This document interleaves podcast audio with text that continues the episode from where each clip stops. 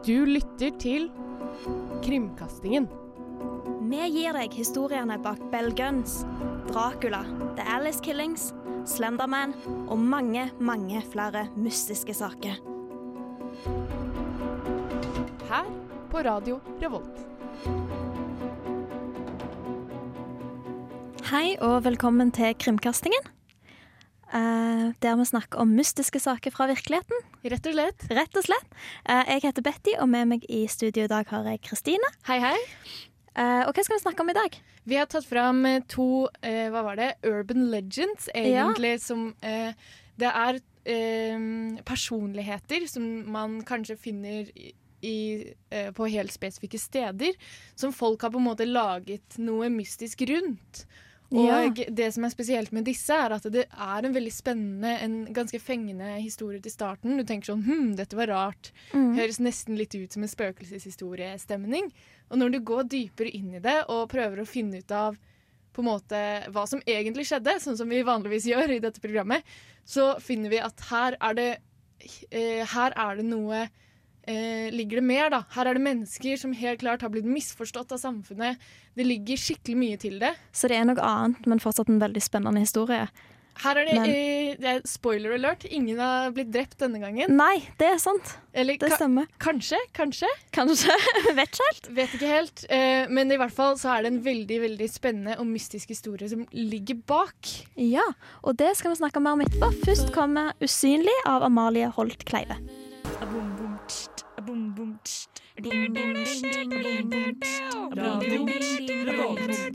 Ifølge legenden finnes det et spøkelse i Mauls i Sveits.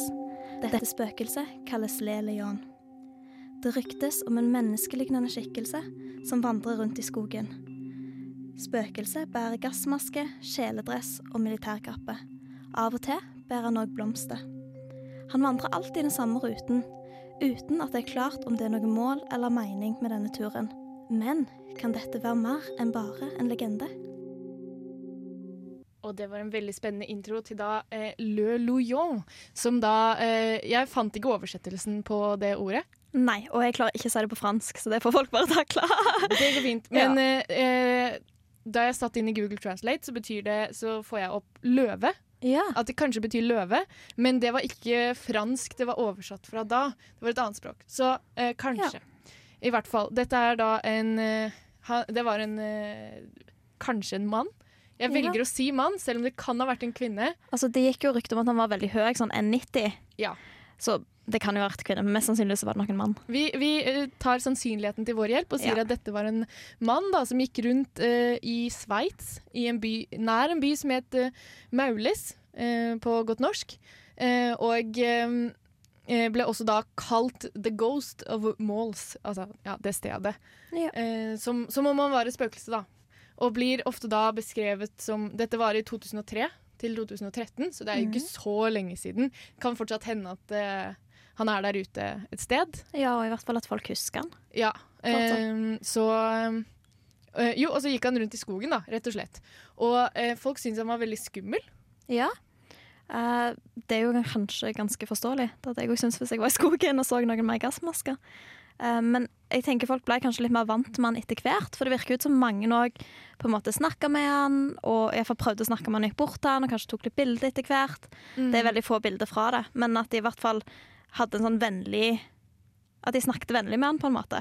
Mm. At folk ikke var så redde som det kanskje kan virke. Ja, og så var det også det at folk syntes det var ubehagelig å møte på noen som er kledd i maske i skogen. Og at eh, eh, folk da ville ikke gå i, alene i skogen. Folk ville ikke ha barna sine, eller at kvinner skulle gå alene. Mm. Eh, selv om han aldri hadde gjort noe galt med noen. Da. Det er sånn, eh, hvis folk så han, så ble det ofte beskrevet som at, som at han bare stoppet opp og snudde og gikk en annen vei. Ja. Og da er det liksom på en måte sånn Ja, det er mystisk, du vet ikke hva det er. Det er ikke så rart at man blir da skeptisk. Nei, og jeg tenker spesielt å la ungene sine gå rundt i skogen. Ja, Hvis det er en sånn skikkelse, fordi de kan jo bli mye mer redde. Men samtidig så Det sier jo at han aldri gjorde noe, noen ting, på en mm. måte. Men du vet jo ikke, da. Nei. Og det var liksom det. Og så ble jo da politiet involvert i dette. Ja. For de ville at, han skulle, for de ville at politiet skulle på en måte finne han, da. Ja. Eh, for å være sånn OK, eh, kan du være så snill å ikke gå rundt og være så truende? Ja. Det var basically det de skulle si til han. Kan du være så snill å å, og, og ikke være den du er, på en måte. Passa litt bedre inn, på en måte. Ja, det, det høres veldig feil ut å si det, men det var på en måte det. Kan du være mindre truende? Men han hadde på en måte ikke gjort noe annet enn å gå rundt i gassmaske da, eh, og denne eh, dressen og en stor kappe. Så det blir en veldig, veldig Det blir jo litt sånn eventyrfigur. Ja, en stor figur som tar mye plass, Ja. og som går rundt, ja.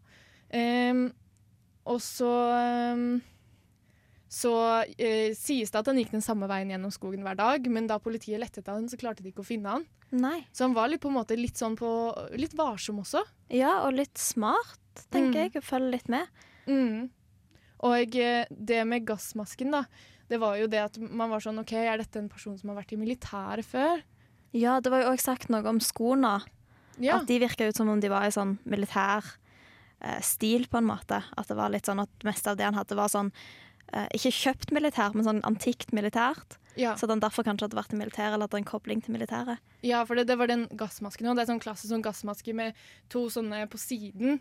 Eh, og at man ikke ser noe som helst av ansiktet, og at det er sånn rør og sånn ut av det. Eh, og så hadde den Det er et veldig dårlig bilde som finnes på internett, men det er i hvert fall da at eh, Det er i hvert fall han med ryggen til. Eh, og eh, denne kappen som han har på seg, og det ser jo ut som den er i kamofarger. Ja, det gjør veldig det. Så om det ikke han har fått i militæret, så er det militært inspirert. Ja. Eller så sånn, eh, så er det mange som spekulerer i at det kan ha vært en kvinne. ja. Altså, alt er jo egentlig mulig. Som sagt, basert på at han hadde veldig veldig breie skuldre, som folk sier, var veldig høy. Men det kan jo fortsatt være kvinner. Det er jo ikke Ja, eh, Og at man bare eh, går i en forkledning, da, rett og slett. Ja. Eller at det var en, eh, en pedofil person, er det mange som har sagt det kan ha vært. Eller en person som hadde en deformitet, som hadde et behov for å skjule seg. da. Ja, det kan godt være. Og så er det mange som har snakket om at det kanskje var et spøkelse. Som Mm. igjen er litt sånn merkelig hvis så mange har sett det, og folk har tatt bilde. Og liksom, av de som har sett det, så virker det ut som de mente det var et spøkelse. De mente liksom at det var en person. Her er det en er person som har Ja. kledd seg ut, på en måte. Ja.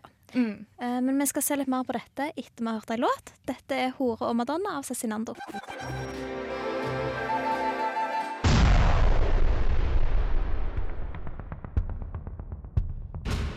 Vendepunkt. Ja, vi var tilbake her på Krimkastingen. Uh, og hva skal vi snakke om nå, Kristine? Det er, det er vendepunktet. rett Det er og slett. vendepunktet. Uh, fordi det som skjer etter hvert, er at uh, Lul og Johan legger fra seg et brev eh, sammen med klærne sine. Den gassmasken og den drakta og den kappen i skogen, der hvor folk pleide å finne han. Eh, og så var det veldig vanskelig å få tak i det brevet. Eh, fordi Ja. det er veldig få kilder som har oversatt det fra fransk, fordi dette var jo Sveits, så da ble det fransk. Ja. Eh, men så fant jeg det da på kommunen. Som, ja, på, I Sveits, på en måte. ja, den Den kommunen i, eh, i Sveits sine nettsider, hvor de da har publisert hele brevet da på fransk. Ja. Eh, så det jeg har gjort, er at eh, jeg har personlig oversatt dette, så dette er en stor disclaimer til, eh, til alle de der ute som kanskje har lest det, og som kanskje kan bedre fransk enn meg. Det er noen av disse formuleringene som høres litt rare ut, og det er fordi jeg ikke rett og slett skjønte hvordan jeg skulle sette det sammen, men det Ja. meste gir mening. Og jeg syns i hvert fall det er veldig spennende å gi på en måte eh, Lulujon en stemme, fordi det sier veldig mye om eh, i seg selv, alle sammen. ja, han som person og alt. Det blir Ja. spennende. Så da bare hører vi det.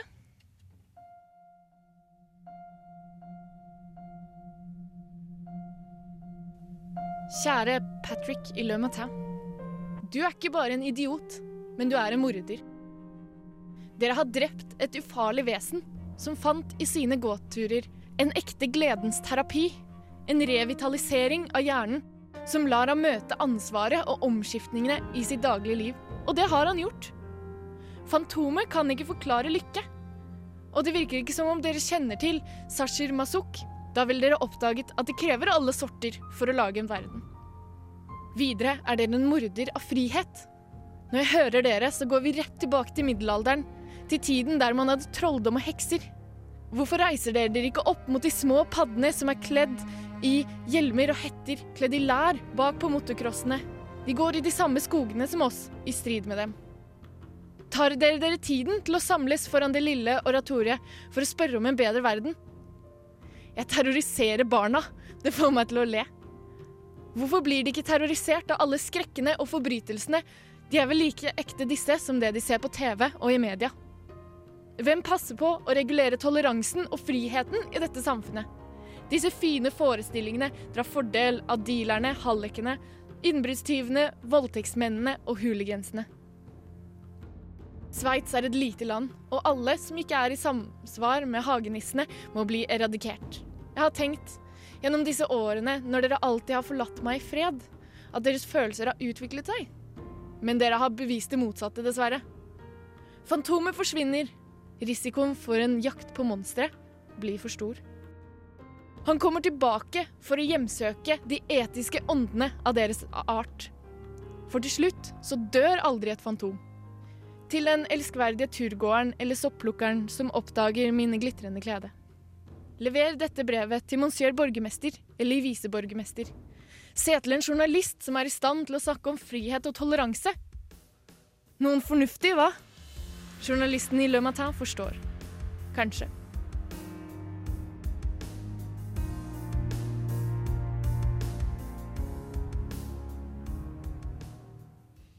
Ja, så det var jo en veldig uh, poetisk beskjed. Det var en veldig poetisk beskjed. For å gi det litt kontekst, så skrev eh, da en fyr som het Patrick en eh, et, um, artikkel i avisa, lokalavisa, Le Matin som den het, eh, Mhm. om han, da.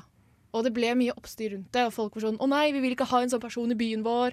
Og Så folk ble kanskje mer redde enn det de hadde vært til å begynne med. på en måte. jeg tror kanskje det bidro til å hause det litt opp. Ja, da. for de som bodde i byen, de kjente han jo sikkert ikke kjente han, men de visste hvem han var fra før av. Eller hadde sett han før og var liksom vant med at det var en skikkelse som var der i den skogen, på en måte. Ja, og da det ble eh, beskrevet, så var det sånn dette er en menneskelignende skapning. Ja. Så det ble på en måte dehumanisert, da. Ja. Eh, og eh, siden da man var på jakt etter eh, eh, Eller politiet ville ha tak i han, og det var litt sånn eh, styr rundt det, så tror mange at dette kom som en eh, reaksjon på dette. Og det er ganske mange ting i det brevet som jeg tenker vi skal ta tak i. Ja, fordi Først så kan det jo kanskje virke ut som om man bare går rundt og skremmer folk. Og så gir han jo på en måte beskjed i det brevet at det handler om noe helt annet. Ja, han gikk rundt i skogen for å, for å føle på fred og lykke. Ja, at, Og at det var der han følte han kunne være seg sjøl. Ja, kobla litt. Ja. Og det kan jo mange kjenne seg igjen i. Ja. Jeg kan i hvert fall kjenne meg igjen i det. ja, at du trenger litt den pausen. Mm. Og så er det dette da med å eh, ikke lenger kunne føle på det. Fordi at du på en måte avisen har skrevet om deg, folk er redde, politiet vil snakke med deg, og du er litt sånn 'jeg vil jo bare gå i fred i skogen', på en måte. Ja, og det er det mange eh, Fordi det er den quoten da, fra dette brevet som ofte blir nevnt, og ikke hele brevet i sin helhet, er at da eh, risken for en, Risikoen for en jakt på monstre ble for stor. Ja. Eller en monsterjakt, da. Det det høres litt annerledes ut på fransk enn det det gjør på norsk.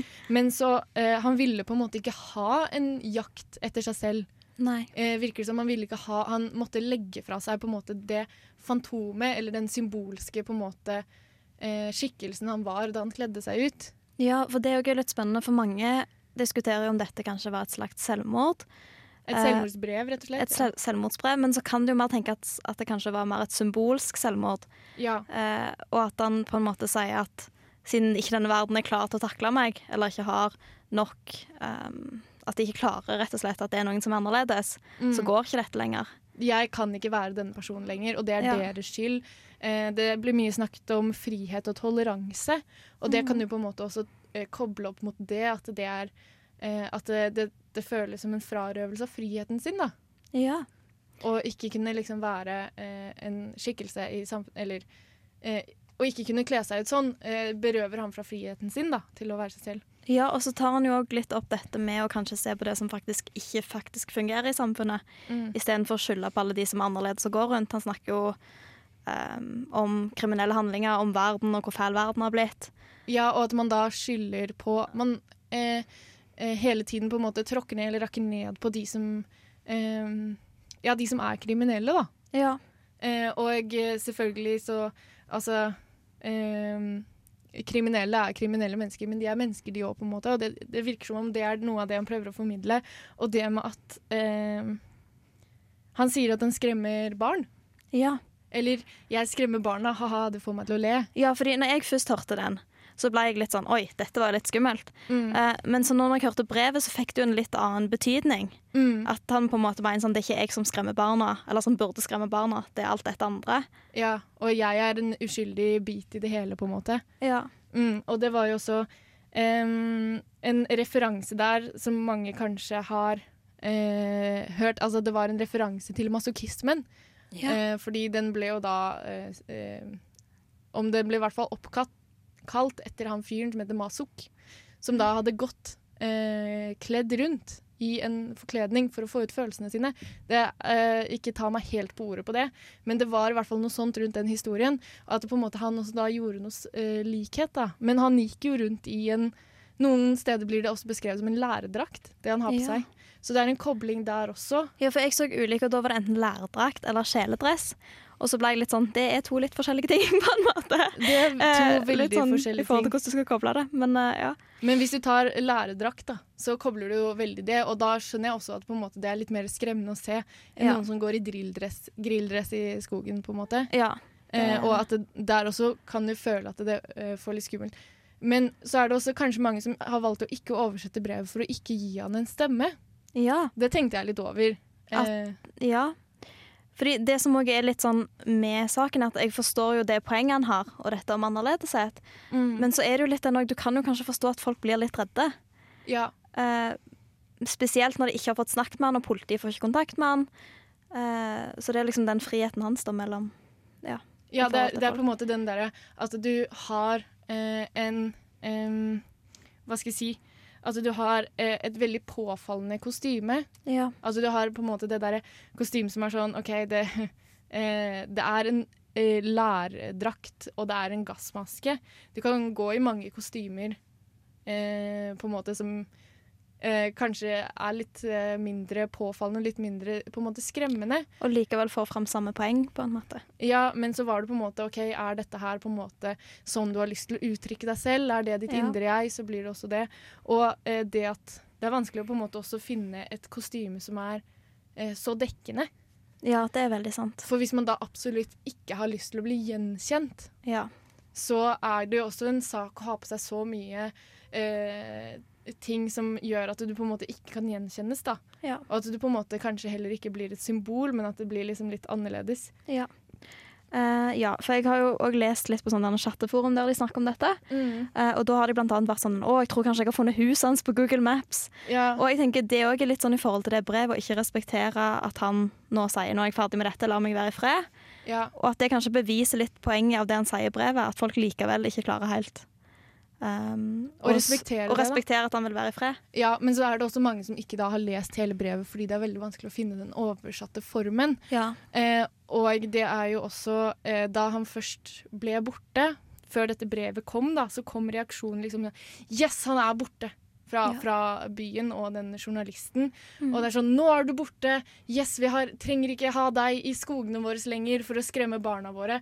Og så kommer den, og så var det sånn Og da kommer det fra de eh, som har publisert det fra kommunen, da, at det, eh, vi er lei oss for at du føler det sånn. ja. Du er velkommen i vårt samfunn, beklager. Og så kom det på en måte en litt En reaksjon. eh, beklagelse fra kommunen i seg selv, da. Og det syns jeg på en måte var veldig passende Men også. nå skal vi høre en låt, og så skal vi snakke om en annen urban legende. Dette blir reality show med Great News.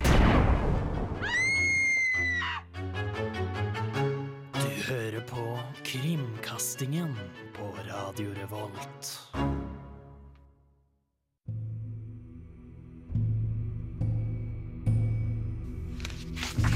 Har du hørt den urbane legenden om Pittsburghs grønne mann? Den høres sånn ut. Hver kveld går Charlie uten ansikt, eller Pittsburghs grønne mann, langs Route 351. Stille. Alene. Dette fordi han ikke har noe ansikt. Om det var lynet som traff han, eller strøm, eller syre, det vet ingen.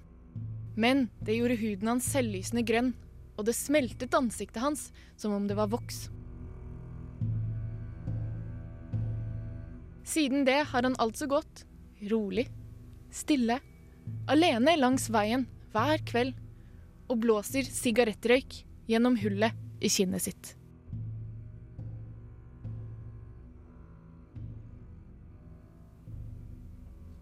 Ja, vi var tilbake her på Krimkastingen. Før låt så snakket vi om Le Leon. Og nå skal vi snakke litt om en annen urban legende, uh, Charlie No-Face. Mhm. Og det er da, som jeg oversatte, eh, Charlie uten ansikt. Charlie uten ansikt, ja. Han ble jo også kalt The Green Man, og hadde generelt sett litt forskjellige navn. Mm. Og det var litt sånn eh, Det kom eh, litt fra hvor langt unna det var fra stedet. Ja. Fordi eh, det har jo seg sånn at en høne Nei, en fjær fort blir fem høns. Mm. Og det, sånn var det med denne historien, tror jeg. At det, eh, veldig nærme så het han Charlie No-Face. Mm. Eh, og så jo lenger unna det kom, så het han The Green Man pga. det med syre, kanskje, og at han hadde blitt radioaktiv, og det var mye sånne ting. Ja, for historien tok liksom mer og mer av hvor lenger bort du kom. Så først var det sånn, å, han har kanskje blitt brent levende, eller fått noe sånn, blitt slått av lynet. Og så kom du lenger vekk, og så var det sånn, nei, det er nok noe så radioaktiv stråling. Mm. Um, Så det var veldig mange. Ja, og det var veldig mange teorier rundt dette her, da. Ja. Det er ikke lett å finne på en måte en ensidig av, av denne historien. Det virker som en sånn som er fortalt i mange varianter. ja.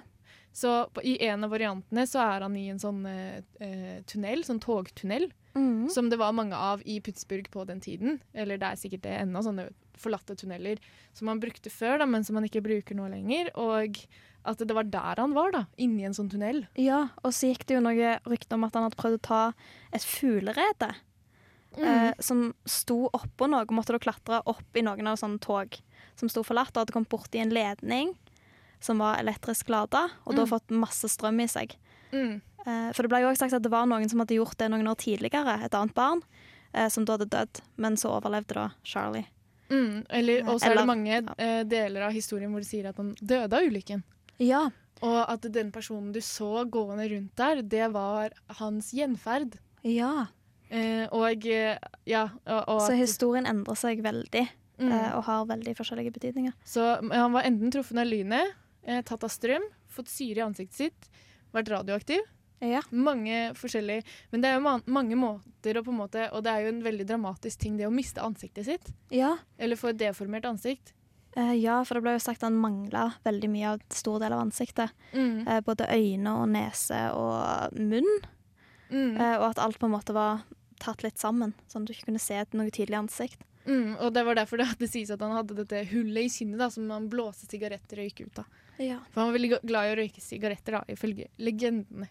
Ja. Men eh, vi skal gå over til det som er ekte.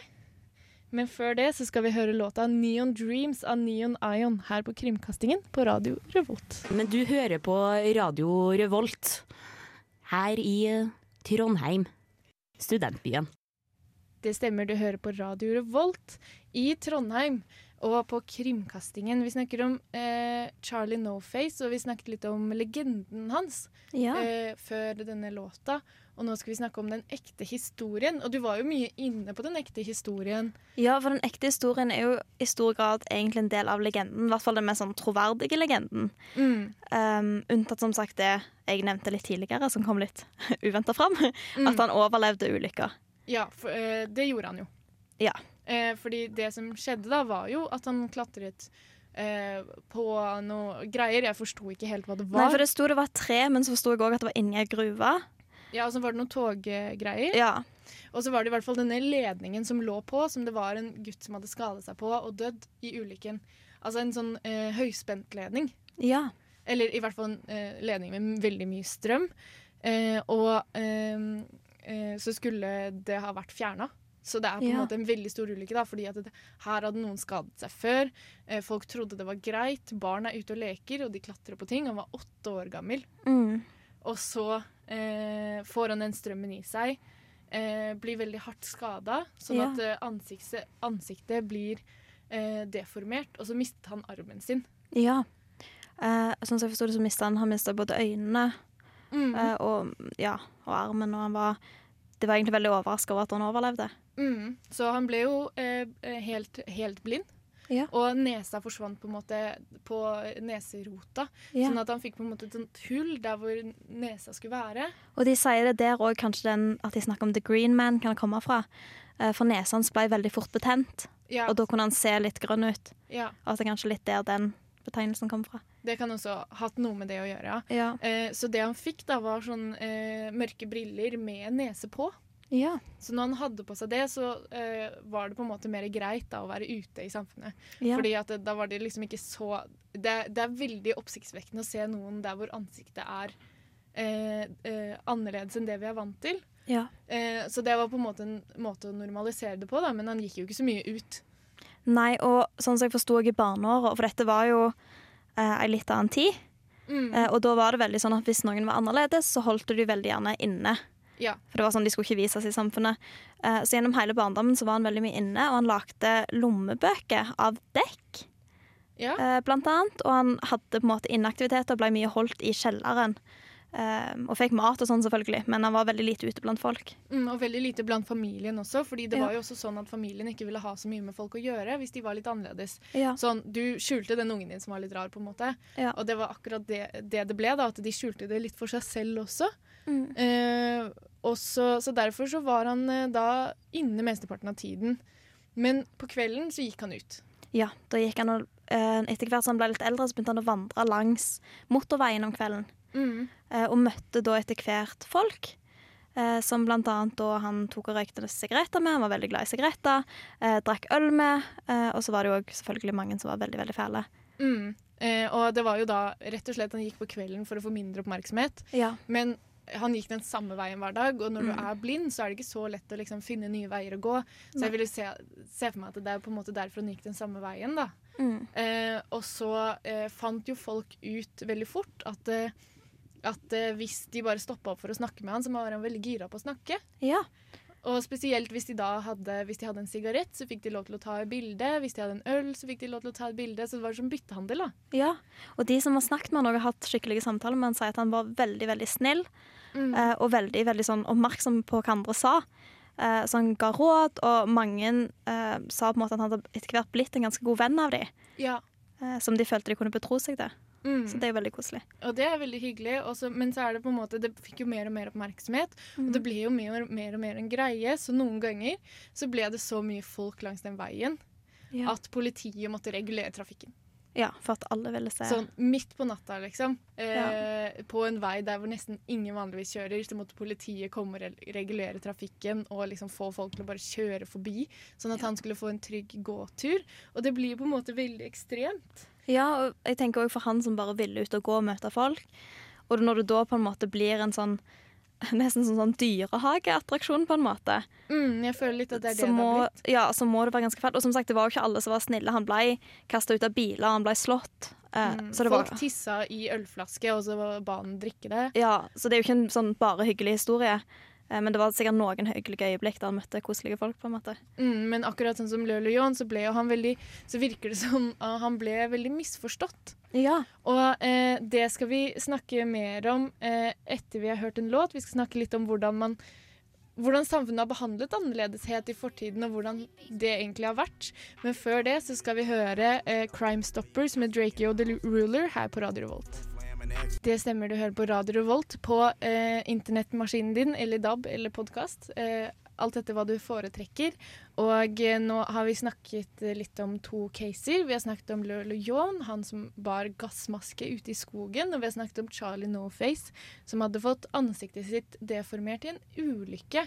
ja. Og eh, det er jo mange likheter ved disse to casene som vi eh, fant ut av underveis da vi eh, gjorde research på denne saken.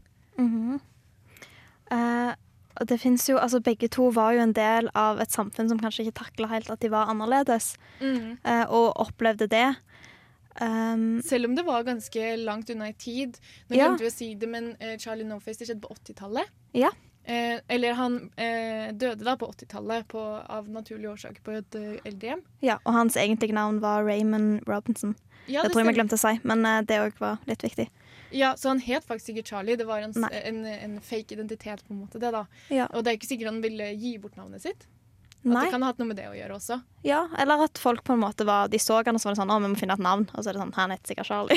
Veldig vanlig, vanlig navn. veldig vanlig herrenavn, ja. ja. Eh, så det var også liksom en eh, ting at det selv om, selv om 80-tallet det føles veldig lenge siden Jeg levde ikke på 80-tallet, eh, men vi levde jo i 2013. ja. Og at de blir behandlet veldig likt. De blir behandla veldig likt. Og du kan jo se at Charlie på en måte ble behandla verre, fordi selv om det sikkert var fælt for Lillian, så var det aldri noe sånn fysisk, eller at folk gikk bort til han og kalte han slemme ting. Men det kan Eh. jo også på en måte vært at de ikke har fått tak i Ja. Det er det jeg mener. Det er ikke sikkert det nødvendigvis har så mye med folk å gjøre. Nei. Det kan like så godt bare være at han virker litt mer skremmende på en sånn der Oi, hvis jeg går bort til han, så går det gale, på en måte. ja, Enn hva Charlie virker. Mens han var på en måte Og stakkars han fyren der, på en måte. Ja. At det var heller det. At folk var liksom Folk, eh, det var jo også, folk beskrev at de ble veldig redd første gangen, men så var det sånn Nei, det var ikke, når de først kom i prat, så var det Ja. så farlig. Men det var ingen som kom i prat med Lølle og John. Nei. Så det er jo sånn sett en litt annen situasjon. Og så kan du også se litt på det at Charlie på en måte ikke hadde så mye valg Mm. eh, i den annerledesheten, og det hadde jo Lele Lillian, men det burde jo kanskje egentlig ikke ha noe å bety. Nei, eh, eller Men så er det noe hvor synlig annerledesheten din er, da. Ja. Når eh, det, spesielt når det gjelder ansikt, ja. så er man jo veldig Det er veldig synlig. Det er det første man ser. Man blir veldig skremt av ansikter som ser litt rare ut. Og så blir det av en sånn naturlig respons sånn wow, shit. Dette var annerledes. Dette uh, reagerer jeg følelsesmessig på. Mm. Mens, uh, uh, mens det med Hva skal vi si Løle Young kanskje var en psykisk annerledeshet. Ja, og at han var mer Fordi jeg tror det er mye folk reagerer på med Le- Leon. Eh, De hadde jo sikkert reagert litt hvis han gikk med sånn halloweenmaske, Mm. men det er litt den med den gassmaska og de assosiasjonene du får, som òg kanskje var litt av poenget hans, på en måte. ja. Men det blir liksom litt skummelt å vekke en del følelser i folk angående andre situasjoner og andre verdenskrig og eh, mye forskjellig. Ja, og det hadde på en måte vært det, men så er det også det at kanskje han på en måte ville få et uttrykk for annerledesheten sin eh, ved å gå rundt og kle seg ut, på en måte. At det var liksom hans annerledeshet. Den var, ikke, Ja. den var ikke synlig i hverdagen, så han kunne leve et normalt liv. Han skrev jo det i brevet, at han hadde et normalt liv, Mm. eh, men at på en måte det var liksom hans Og referansen til masochismen og sånn også. Det er jo Ja. Eh, her er, føler jeg meg annerledes, og jeg må få utløp for det, men dere lar meg ikke gjøre det som samfunn. Mens hos Ja. Charlie så var det mer sånn jeg er annerledes, og det fucker opp hverdagen min. Ja, så det blir jo sånn. Jeg hadde syntes det var så kult om han Lele John egentlig bare var en sånn helt vanlig familiefar. Så gikk en tur i skogen, og så kom han hjem og satte seg ned og spiste med familien sin, og så var det det var det han gjorde. Men jeg har liksom litt Eh, troa på at det kan ha skjedd. Ja, ja, at det faktisk er noe sånt noe. At det er bare sånn Jeg bare trenger det utløpet, på en måte. Mm, for det er vanskelig å være annerledes selv en dag i dag. Altså, dette Ja. her er ekstreme tilfeller hvor folk har blitt fullstendig hengt ut, men det er på en måte Du har på en måte også fortsatt den i samfunnet, den derre eh, Det er vanskelig å stå opp som, noe, som en minoritet, da. Selv om det blir vanligere og vanligere at folk Det er flere og flere som snakker om det, så er det fortsatt på en måte mye som er tabu. Ja. Og det er mye som folk bare ikke godtar. Og den derre eh, dehumaniseringen som man har gjort av disse to eh, menneskene Mm. det, Jeg merker at på en måte det provoserer meg litt, fordi at dette her er helt klart to helt ordinære mennesker som det har skjedd ting med som de ikke kan noe for, eller som har noe med seg som de ikke kan noe for. Mm. Og det ser du litt på det han Lillian sa i brevet, med at samfunnet har en tendens til å legge all skyld på de som er annerledes. Mm. Og det ser du i dag òg, sånn som du sa, med minoriteter, og med alt at det er en veldig sånn tendens til å legge skylden på alt så lenge det er annerledes. Mm. Eh, og det er jo ikke akkurat noen som har forsvunnet fra samfunnet. Nei, det er det ikke. Og så er det også, eh, helt til slutt så vil jeg også nevne det med mediedekningen. Og at det har mye å gjøre med det. Altså det Ja. å gjøre noen om til en historie. Ja. Det gjør mye, mye med en person, da. ja. Og Altså- jeg tenker òg mange av de som annet kjørte forbi Charlie No Face, det ble jo sikkert enda mer etter hvert så dette spredde seg og ble en historie om på en måte en helt egentlig vanlig person som bare ville gå en tur om kvelden. Mm, for Og så- å få seg litt gåtur, for han satt inne hele jævla dagen, på en måte. Ja, ja, og så ble han plutselig en sånn der han er, Nå har alle en rett til å se deg, og en rett til å være med deg, på en måte, når han egentlig bare ville gå en tur. Mm, og eh, i Lølle John sitt til tilfelle at han ville ikke ha den oppmerksomheten. Og han ville på en måte ikke at eh, Han ville ikke ha den mediedekningen, og det var på en måte noe av det han var veldig redd for, som fikk han til å slutte. Det var sånn nei, nei, nei, nei, nei, nei. nei. Han har kanskje sett åssen det gikk med Charlie No Face, da. Ja. Alle har jo tilgang på internett, og sett sånn oi, det gikk skikkelig dårlig for han fordi at folk skulle ta bilder, og han ble en attraksjon. Ja. Og også at det blir litt hauset opp, den frykten. Ja, både frykten og at du tar vekk den menneskeligheten i det. Mm. At de måte ikke lenger har rett til sitt eget liv eller sin egen historie, på en måte. Mm. Det ble veldig sånn dramatisk, men det er jo litt det som har skjedd i begge sakene. Det er det som har skjedd, og jeg har ingen tvil om at det, finnes flere sånne urbane legender der ute som er bygget på helt ordinære mennesker som enten det har skjedd noe med, eller som føler seg litt annerledes og får et utløp for det uten å skade noen, Ja. men som får et rykte om at de er farlige mennesker. Det eh, merket jeg at det, det engasjerte vilt og bredt. Men eh, det var det vi hadde for dere i dag, eh, dessverre. Det var Ja. to ganske spennende caser. Og vi kommer jo selvfølgelig tilbake med flere spennende caser her på Krimkastingen eh, hver lørdag fra 1 til 2 på Radio Revolt. Eh, jeg har vært Kristine, og med meg i studio i dag så har jeg Petter. Ja. Takk for oss. Du har lyttet til en podkast på Radio Revolt, studentradioen i Trondheim. Sjekk ut flere programmer på radiorevolt.no.